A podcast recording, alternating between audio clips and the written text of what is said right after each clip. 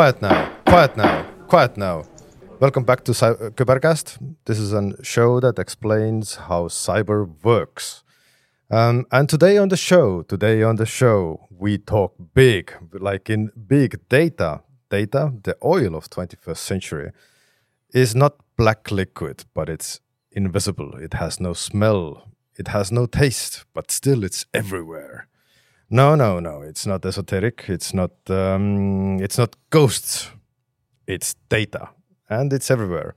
We create it non-stop, 24 hours a day. When we sleep, when we wake up, when we brush our teeth, teeth we, we, we create data. So today, well, we focus on it, and um, and we have a couple of guests here to talk about this. We have uh, two people from Tehik. We have Anto, uh, and we have Alvar from Tehik. Hello. Hello. Hello. And we also have a special guest from Elastic. Hello, Marvin. Hey, how you doing? Hi, everyone. Hello, hello. So, as you, as, as you can understand, Marvin is over Teams, and um, and there might be some glitches throughout the show, but uh, we will not let them disrupt us. We will get right back into it. So, so they, today we are looking answers for, for a couple of big questions. So, the the the amount of data that we generate is just humongous and it's it's too much for a human to to go through. And uh, and well it's it's too much for even to kind of dig out the security incidents from that data from within that data. So we can we can try to dig through that but but ultimately it's a job for machine learning and and for the ai to figure out what's important and and what is not. So so with top with these kind of topics in mind uh, we have a good interview coming up. so, under the assumption that all modern business and, and the kind of future business is, is, is digital business, then I would like Tehik to talk a little bit around their digitalization journey. What does uh, Tehik do? What kind of services does Tehik offer? To whom and what do you guys do? Yeah sure. Uh, from Tehik side if someone uh, doesn't know yet uh, Tehik is uh, the competence center for ministry of social affairs. And uh, healthcare and social security are two main business disciplines we are supporting at uh, total 174 information and communication technology services. How many? How many was that? Hundred and seventy-four. yeah, that's a, that's that's a huge. That's kind of a number. Maybe yes. already one more. Maybe, one, maybe even one more. So yes. Yeah. So our system contains data about all Estonian citizens from their birth to end of their life mm -hmm. and beyond. and beyond this. And the data is usually related to personal details such as health information or family related events and me and maybe quite delicate. Mm-hmm. So overall, we love our e-services, and there is no going back. In Tehik, we strive to deliver services that save your time. You can use your time for what really matters to you. Mm-hmm. Mm-hmm. So you own data. You have loads of data. Yes. How much uh, data do you have? Well, I know it's a silly question. It is. Uh, it's not a silly question, but uh, I wouldn't go into so much detail about uh, how much data we have, since it's a kind of a security uh, podcast we're doing. So mm-hmm. we can talk about uh, log data we have mm-hmm. as our department, and I think we're currently running about 15 to 20 terabytes of log data per month. So All right it's quite a bit. It's quite a bit. It's quite a bit to go go through and through, right? Yeah. But the um, obviously you you're from the from the security end, and um, you kind of Tehik has been always uh, a digital organization, let's say, offering digital services. It has never been paper-based service, right? Yeah, no. so so you you haven't done kind of digital transformation in a sense that you you you moved from from from paper to digital. You you actually started off being being digital, right? Yeah. So So, kind of digitalization and automation holds hidden threats. So, what are the kind of less obvious threats that you see in the digital landscape? Maybe over reliance on technology and uh, the increasing uh, digital divide with older people and uh, mental health issues that uh, can bring to the older people like uh, being left behind in a dig digital uh, world mm -hmm. and also maybe becoming the unforeseen corner case in a all digital all automated world mm -hmm. where uh, imagine a doctor entering the wrong personal ID code and announcing the wrong person dead. Mm -hmm. So, and before you can even prove that you're are, are alive, mm -hmm. all your document certificates are cancelled, your uh, mm -hmm. passports might be revoked, and your I know family is already uh, uh, dividing your inheritance. yes. So that that that's that's a really bad place to be. Uh, that's a really bad place to be. So so your services are are directly affecting uh, affecting people. Yes, like Anto said, our services go even uh, beyond death. So yes, when yes. you are like announced dead by mistake, so. Mm -hmm it will take a lot to come back to life. Yes, so I, was, I, was just, I was just trying to ask that. Have you have you had a case where, where someone has been pronounced dead by mistake? Uh, luckily, no. Okay, so and that would that would that would be a serious uh, serious thing to do. But the age cap, of course, uh, of course, um, older people and people with less access with uh, to to internet, let's say, and, and understanding that will that that's also also a problem. Yes. Yeah, just but um, but yeah, you are you are running in a in a really restricted environment, and and privacy is is, is really important. What kind of um, uh, limitations does this put to your to your everyday?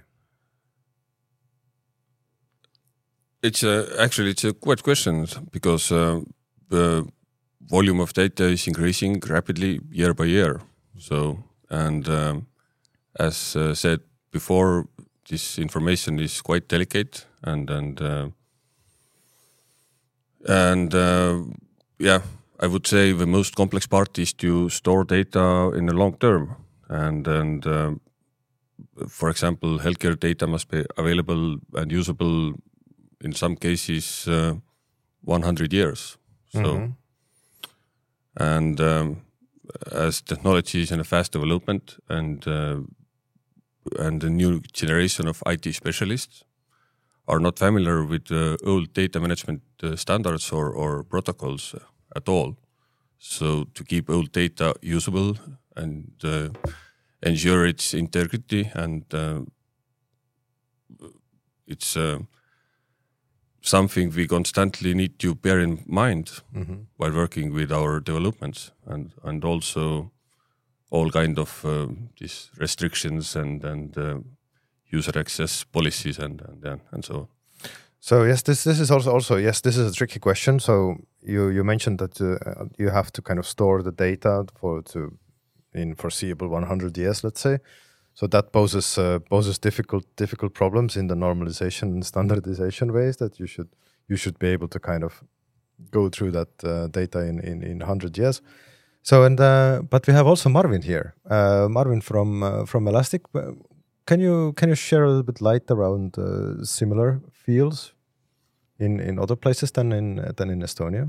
Right, exactly. Um, I mean, I was just listening to the description of Tehik, and basically, it sounds to me like they're on this digitalization journey. They're doing a digital transformation, which is amazing, right? And when we look at um, other parts of the world, I'm, I'm based out of Stockholm in Sweden. It's basically the same type of trend that we're seeing that the health sector is getting more digital. People are doing things online. Now we know that health has got a lot of privacy concerns. There's a lot of data that's generated.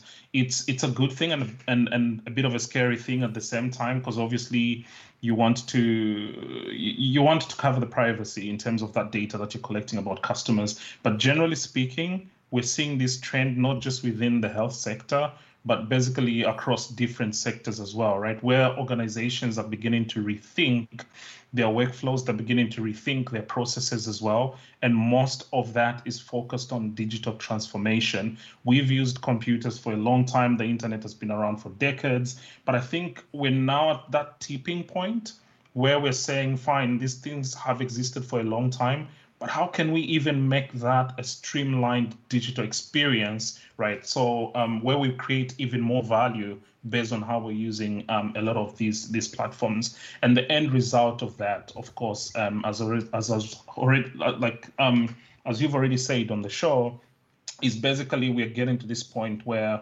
organizations like Tehik and many other organizations out there they are finding themselves to have to deal with and comprehend with a lot of data, right? And and it, it presents a great opportunity. It's mm-hmm. a challenge in terms of managing that big data, right? Um, what you do with the data as well, how you manage that data, how you preserve that data, but also it's a very beautiful thing because it presents us with an opportunity to get interesting insights from that data. And from a cybersecurity point of view as well, it's um, uh, I mean, cybersecurity challenges are increasing all the time. Threat vectors are increasing. Mm. Attackers are dynamic today. But um, it's getting to that point where if you have the data, you also stand in a very powerful position in terms of finding out if you've got attackers in your environment as well. So it's it's um, I'm more positive about the outlook yep. um, than negative about it.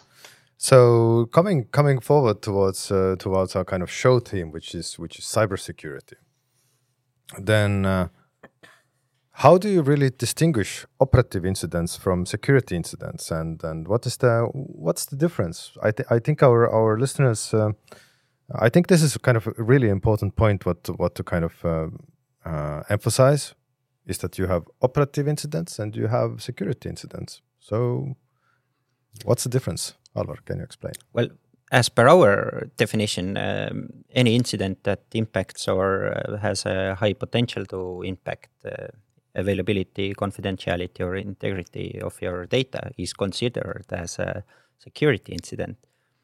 Uh, only upon inspection and analysis we can like um, say that uh, yeah this was because of an, an attack, this was because of a uh, misconfiguration or operative incident. Mm -hmm and um, in that matter, we have a really high expectation on uh, observability and machine learning and AI as well to like uh, give us the faster insight into what's happening, and we've seen pretty good results in that regard.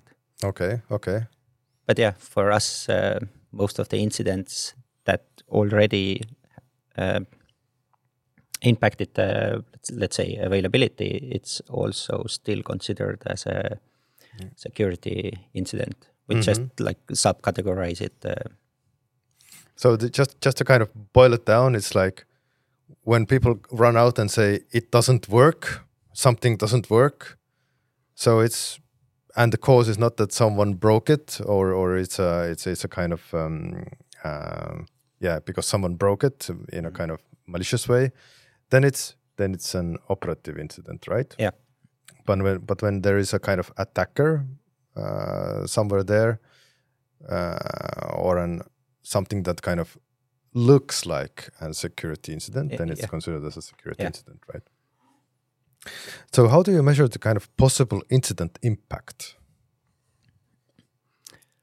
Well, what kind of modeling do you do, or we mostly have a like just a basic uh, matrix, but uh, the issue with the you know the classical approach is that you can measure the impact pretty much like while the incident is happening or after it's hap- already happened.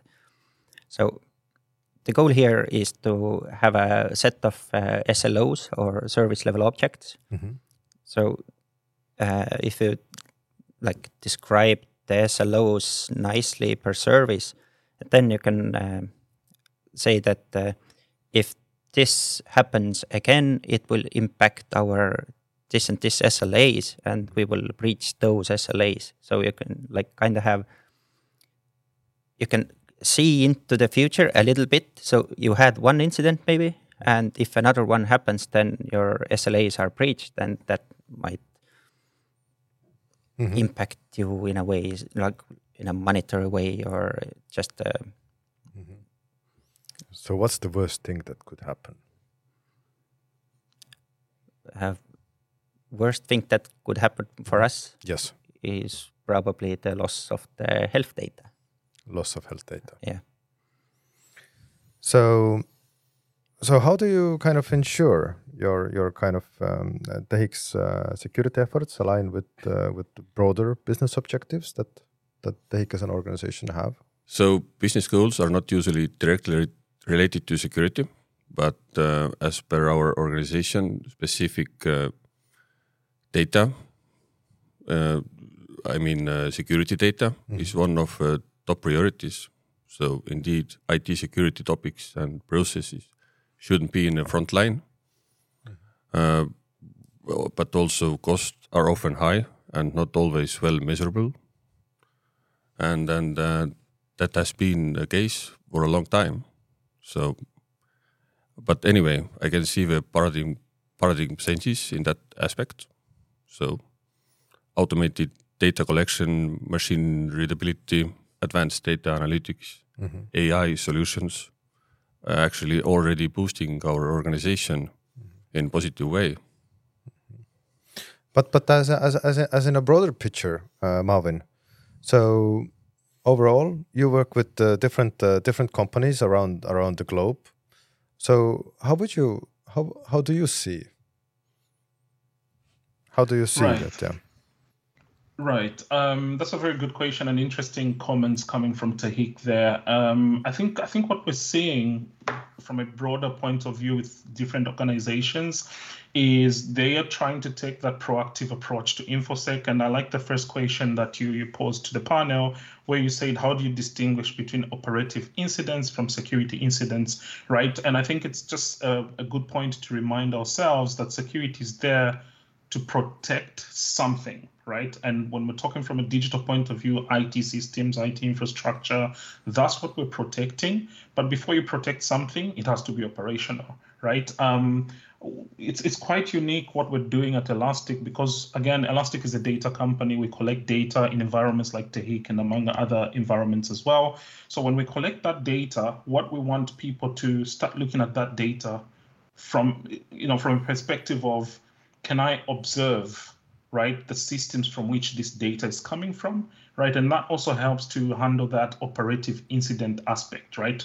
We're talking faults, we're talking performance of those systems, but at the same time, we're also talking about protecting those systems as well, right? Um, and in terms of um, measuring the impact of security incidents specifically, um, I think the impact is is closely tied to business strategy and business objectives, right? In the case of TEHIK, their responsibility is to provide a service in the health sector for Estonian citizens, right? That is their service. So then how do you map security incidents to that objective that TEHIK has? And we're seeing this general trend where security for a long time has just been viewed as a technical problem. You know, some security engineer somewhere in the organization is the one that's monitoring alerts and the like. But I think it's it's really evolved where the security topic is actually becoming a part of business strategy. We're seeing a lot more um, of this in a lot of the organizations that we uh, we offer our services to. Um, security has become a top top priority. Um, security people are now found in the boardroom discussing with other um, uh, senior management, senior leaders in organizations, speaking about how can security be part of that business strategy. Um, what's going to be the potential impact of cybersecurity incidents to organizations as well? And it's getting to that point where um, I, one of the questions you asked as well is, you know, metrics centered around incident response, right? It's getting to a point where now we're measuring the impact from a business loss point of view. We're adding a bit of a dollar value to security incidents as well. Mm-hmm. So the trend is basically there's a huge amount of data that we're generating in our environments as a result of the digital transformation, right? And digital transformation is really driving businesses today and organizations today. Security incidents are impacting Yeah. that digital transformation and it's getting to a point where we need now to really add that business value of you know what are the security implications to the actual business itself that trend i think is going to drive um, security conversations going forward So, so it just uh, brings us back to the to, to to to the start of our show when we when we talked about that uh, all future businesses are digital businesses. So also security finds its way to to boards, uh, to C-level, and uh, and and kind of the understanding is is, is rapidly growing that uh, basic hygiene uh, in in in digital is is kind of a necessity. Wash your hands brush your teeth, and uh, these are the things to keep uh, keep you in good uh, good health, right? Yeah, actually, maybe I can add something from Absolutely. Tehik side. So, yeah, in the IT security department holds relevant role, not only value field specific rules and and uh, restrictions, but uh, one of our strengths is actually to see company wide picture from both technological and business side. So anyway, sometimes our knowledge is uncomfortable to others. Yeah, but our mission is to just explain and and uh, explain it again, uh, maybe from another spe- perspective. So, absolutely, so absolutely, and and and take- again, and again. and again, and again. and uh, uh, and actually Tehik values lifelong uh, learning and and to support that uh, in uh, our IT security department. We are managing our own uh, data security learning platform. So yeah and uh, this uh, IT security exam must be taken and positively completed yearly without any exception so all the workers I hope are quite uh, well educated in that field so. so you are you are kind of um, working with the with the awareness in, Yeah. internally overall all the time. Yeah. And uh, you feel comfortable bringing uncomfortable topics on the table, right? yeah that's true but sometimes it's difficult Yes, that's that's that's that, that sometimes can be really really really difficult.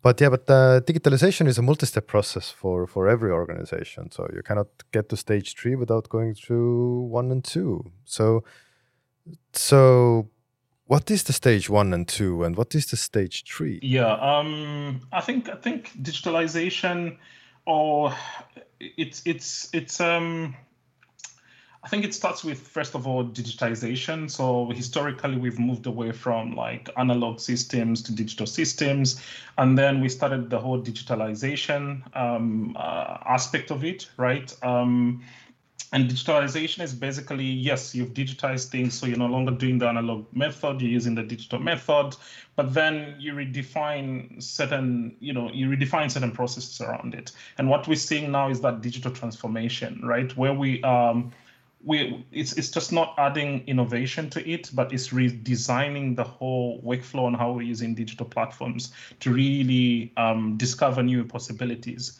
with the technology that we have today, right? And um, I think when you talk about digital transformation in 2024, we're at a point where machine learning is no longer just a buzzword. Well, it is a buzzword, but it's just no longer um, a concept. It's it's no longer conceptual. It's a realistic um, capability that is coming into organizations. Um, last year there was a huge boom in terms of AI as well, right? So it's getting to a point where digitalization is becoming more about automation, right? We're talking big data now, like you said at the beginning of the show. The human being can only go so far in terms of how to interact with that data in terms of getting the insights out of that data, right? And we're getting to that point where machine learning is going to be that third step of that digital digitalization journey, or I like to call it digital transformation, mm-hmm. right? And I think going forward, that third step is going to challenge organizations like even Tehik and many other organizations out there, including Elastic as well, in terms of how can we now apply machine learning?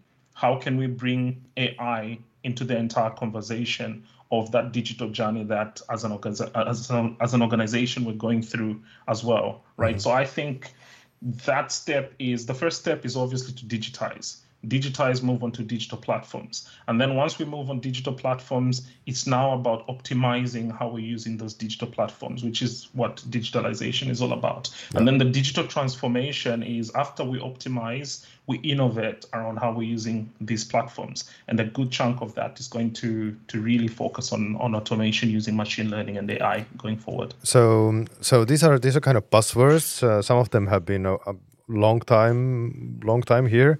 So maybe just to explain to our listeners here, um, machine learning. What is machine learning? That's a very good question. Um, well, basically, I mean, machine learning has, like I said, it's, it's, existed for quite some time.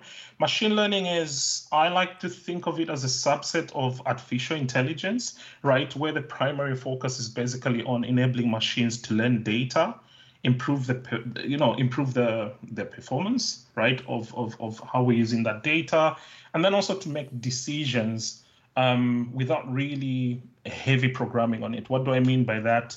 Um, a very good example with machine learning is where we just want to understand anomalous behavior, right? Uh, what do I mean by that? Say, um, say, uh, just a simple example, right? Like, say, um, users of the Tehik digital platforms, they usually use those platforms in a certain way and it's very consistent over time. But what you want to do is if anyone behaves in a way that is not very similar to how they've behaved in the past, you want to be alerted on that. Right now, again, Tehik is dealing with a lot of data. You don't want to be tracking the normal behavior of your users in a in a manual way. You really want to have um, a certain technology that helps you that triggers an alarm if something goes either abnormally high or abnormally low in terms of its usual behavior. So that is machine learning, right? Mm-hmm. Artificial intelligence, though, it's focused on creating machines, computers that are capable of mimicking human intelligence. So a good way to think about it is the chatbots that we usually encounter on many websites, right? Um, a lot of these digital uh, assistants that are common on different platforms. And of course, ChatGPT is the new assistant on the internet, right? So AI tries to mimic that human intelligence, right? Where can you interact with a computer in a way that you previously interacted with a human being, right? Um, I know it sounds scary because then a lot of people get a bit skeptical. Um, are they going to lose their jobs because suddenly the computer is taking over their job? That's a whole topic on its own. But basically speaking, I mean, machine learning is there to make use of your data and then to automate the insights that you want to get out of your data. Simply so speaking, just to... AI is basically that technology that makes machines, computers to try and mimic human intelligence. So to just kind of boil it down, then then machine learning has been around from from the 18th century or so, uh, and it, it comes in a form of mathematical statistics. So you would. Yeah, you and what Marvin said that you can like bring out the anomalies, and it's uh, well, one really simple but really effective uh, uh machine learning uh, example is uh, log rate spikes. You can just uh, feed it to a machine learning job and you instantly get a result back that who or what was causing the spike in your logs. And we've used that uh, a lot. Mm-hmm. And it's like gives you just really quick uh, insight into what's happening. So this is this is normal. This is uh, yeah. this is something something that uh, that we use every day. Yeah. So you can't, like Marvin said, we can't uh, call it a buzzword anymore because yeah. it's like really in practice and producing uh, valuable results and insight for us. Mm-hmm. Mm-hmm. Yeah, actually, actually, I have another example. So, how to put uh, together machine learning and AI? For example, we are using AI to discover uh, patterns from uh, uh, different from our baseline. So, and uh, yeah, we are using machine learning for that and uh, afterwards we will get some some hints, uh, some uh, machine learning anomaly scores, but actually we don't know yet if uh, these uh, hints are false positives or, or something more. Mm. Then AI will be very handy in that point. We can feed uh, these results to AI and then get a human readable answer. Yes, this is good. This is probably not good, and yeah, so on. Mm-hmm. So this is uh, this is something that is actually, it's it's kind of the, our message here is that it's not a buzzword. It's applicable and it's uh, it's usable in Yeah. in every day now. Exactly.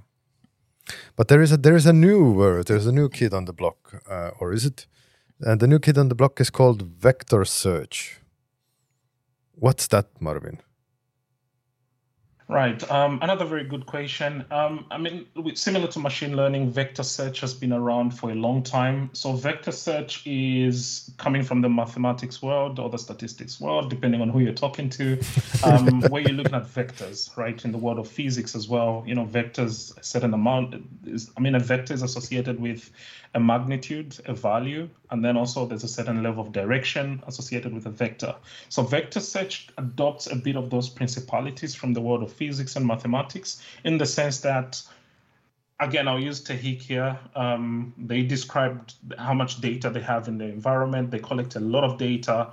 Now, what Tehik would want to do at some point is to begin to understand the relationships of each data point in their data set, right? And vector search basically just comes in, and I'm just trying to be as simple as I can be um, describing vector search, but basically it just comes in to help with understanding the closeness or the relationship between each data point, right? And the way Elastic has adopted vector search is we're saying bring your data into Elastic.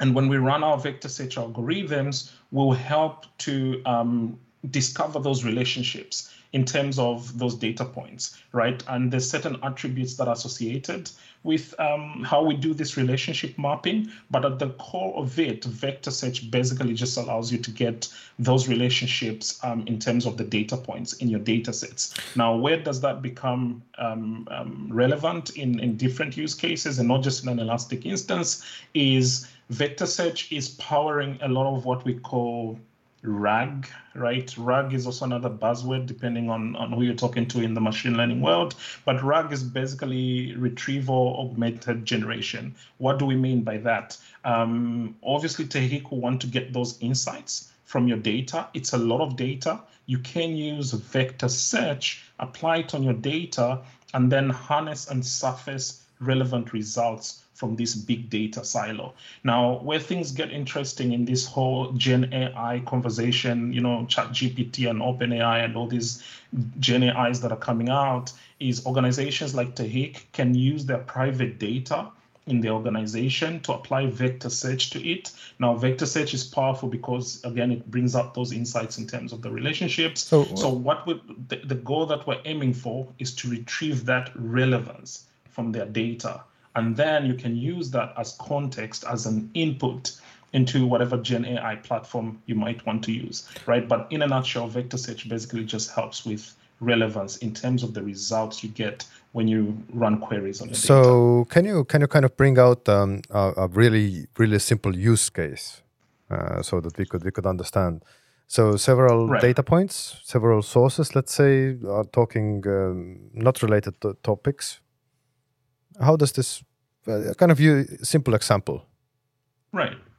Yeah, I mean, uh, that's a very good question. So, a, a very simple example from a security standpoint is with vector search. Um, yeah, I mean, a very good example is in the security space, right? Um, so, Elastic allows you to bring data into Elastic. Uh, one of the things we do in the security space is the running of detection rules right? Detection rules can be machine learning centric types of rules, right? But then we run those machine learning jobs on the data that you store on Elastic. Now, there's use cases where you can run a certain detection rule on the data, and then using vector search and machine learning in the background, we do surface certain interesting relationships, right? A good classic example is I've got a certain sequence. Usually, attackers, when they come into our environments, they'll start the attack by finding an attack vector. How do they get in? It could be a malicious email attachment, it could be some other phishing campaign. And then when they land on a certain machine in our organization, one of the things they try to do is discover more systems so they can do what we call lateral movement. Mm-hmm. Now, when you look at that process, right, it's, it's a multi step process.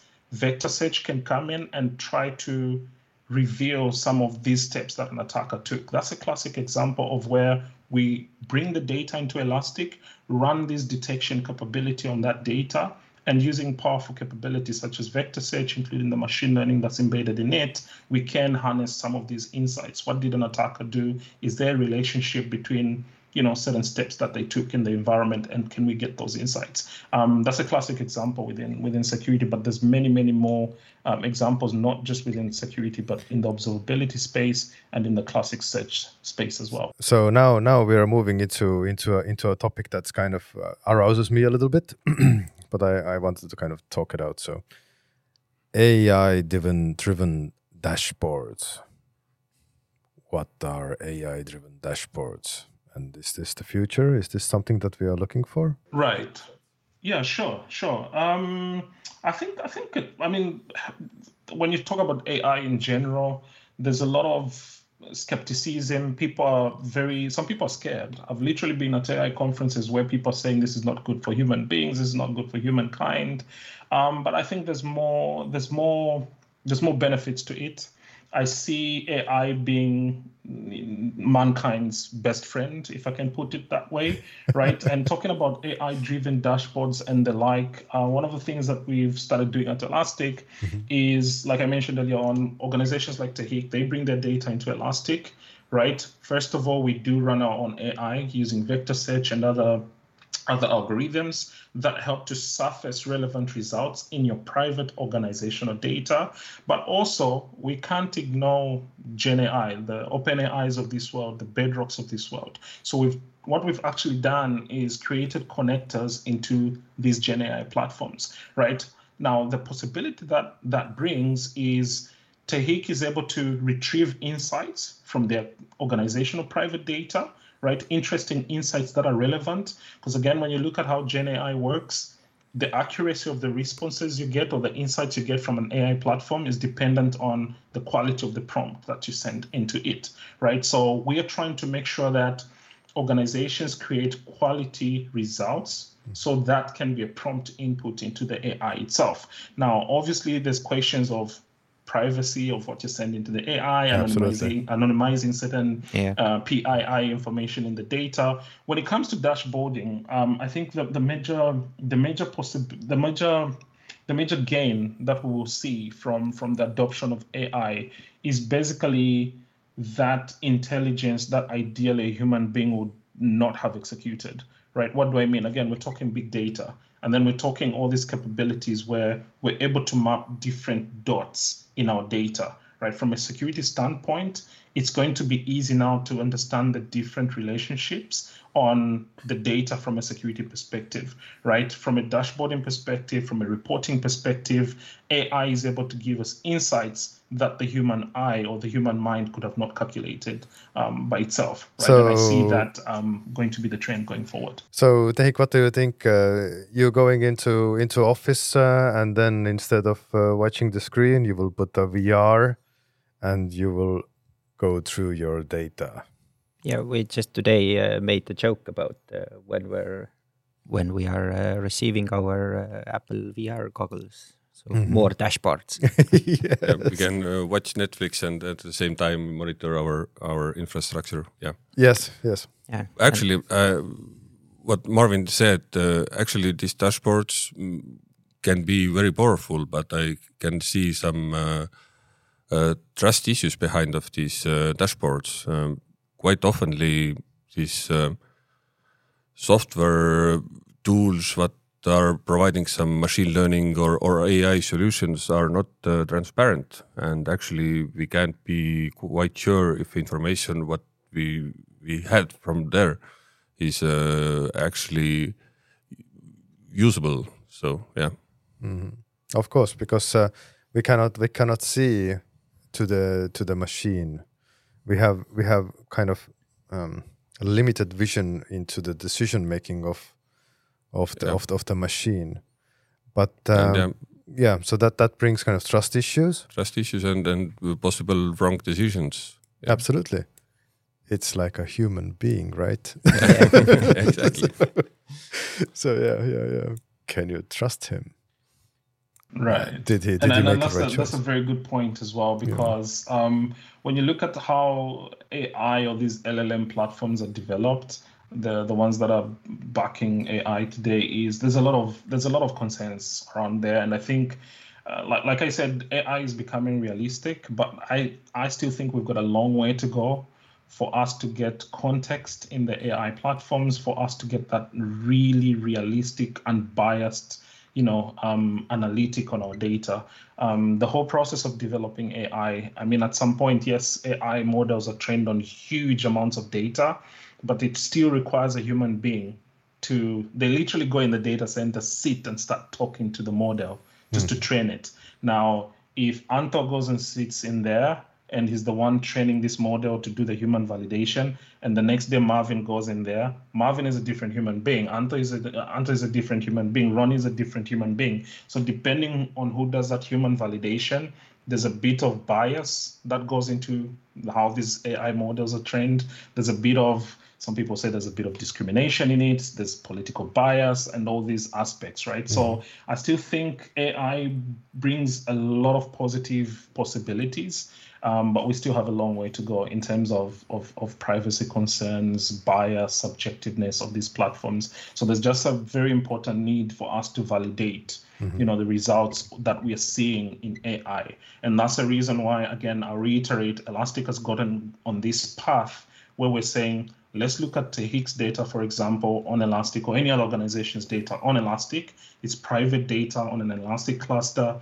How can we get super, super relevant, accurate results in the private data and then use that context to do the prompt engineering into the AI platforms so that the results do not bluff when we mm. get those results from the AI platform, right? And of course, privacy is something that we handle, but I think I think the challenge is going to be more on organizations like Tehik and other organizations just to ensure that the prompt engineering is as accurate as we can be if we expect accurate results from these AI platforms. So um, this this discussion is really really interesting. I would I would like to go on and on and on. No questions, um, but I think we have to we have to sum it up at this point. Um, so, what kind of conclusions can we make uh, make from our discussion here? Well, one of one of the things that I I, I concluded here is that machine learning is uh, is mature, mature is mature and is uh, is usable. Um, there are there is there is road ahead. These are kind of my key takeaways. What are you? What are your yours? I don't know. Hanta, Alvar, Marvin. yeah, how to say? I guess a real challenge for organization is actually keeping up with uh, all new threats and protection measures. So, yeah, from one side, data will open new gates and possibilities, but uh, it comes uh, with with increased risk to be abused mm-hmm. in a way you will not be aware at all. At, New ways at, to be at this moment, yeah. yes, yes, that's that's that's true. What do you think, Alvar? Yeah, we have a pretty good uh, road ahead, and uh, Netflix goggles and and uh, you know kind of yeah, swiping Throwing- swiping the dashboard. swiping swiping the malicious actors No, but away. uh, one really big challenge will be probably the, you know, uh, making sure that we don't uh, let the AI use or, you know, air quote, see the data it's not supposed to see. Like just using the context and getting more info on the context you already found on your private data, not sending your private data to AI to analyze. Uh, It will be a challenge. it will be a challenge. I, I totally understand that one. Marvin. Sounds good. And uh, I think, Alvar, that's a very valid point that you raised right there in terms of, I think that's going to be the challenge going forward, right? How do you how do you give AI your your context without leaking too much of your data, right? So privacy concerns are going to be very important, and I think it's going to challenge organizations um, to think about their security policies, to think about data classification. What do you want to allow to be sent to AI platforms? What don't you want to allow? So there's aspects of anonymization. There's aspects of um, uh, basically what is allowed and not allowed to be sent into these environments. Um, and then also in terms of um, your question, um, Ronnie, in terms of how do we see the future of AI or machine learning? What how does the future look like yeah. from an automation perspective? I think we are going to get into an era where it's going to be on autonomous intelligence right now that could also be scary because right now we're still in that assisted intelligence phase where we just automated repetitive tasks. And then now we're doing that augmented intelligence where we're seeing that humans and machines are collaborating, right, with the advent of Gen AI. But I think the next phase in this whole machine learning and, and, and AI conversation is where we're going to see that autonomous intelligence, right, where there's a bit of an adaptive intelligence driven independent decision making by these AI platforms. Mm-hmm. Now, that is scary, but that's also exciting at the same time. The beauty with AI, again, is it's built by human beings, it's influenced by human beings. So, from a security or aliens or like, you know, machines, robots taking over the world, I mean, we're building these systems, they're going to be super intelligent but I still think the human being still has control over AI. So I see more of an autonomous intelligence system, but um, there's more positives than negatives. Mm-hmm. And on this bombshell, uh, thank you, thank you for for coming into into our show. It has been a great pleasure talking with talking with you guys. I I I, I think that everyone will find this uh, this interesting. So if you found our show to be interesting, then you should like it and you should share it and you should listen to it and and even send it to your grandmother to listen listen it. So so this is um, this is what I would I to do. And uh, thank you, and we'll be back in in two weeks. Okay, thanks for having us. Thank you. Thank you. Thank you. Bye bye. Bye bye. Bye bye.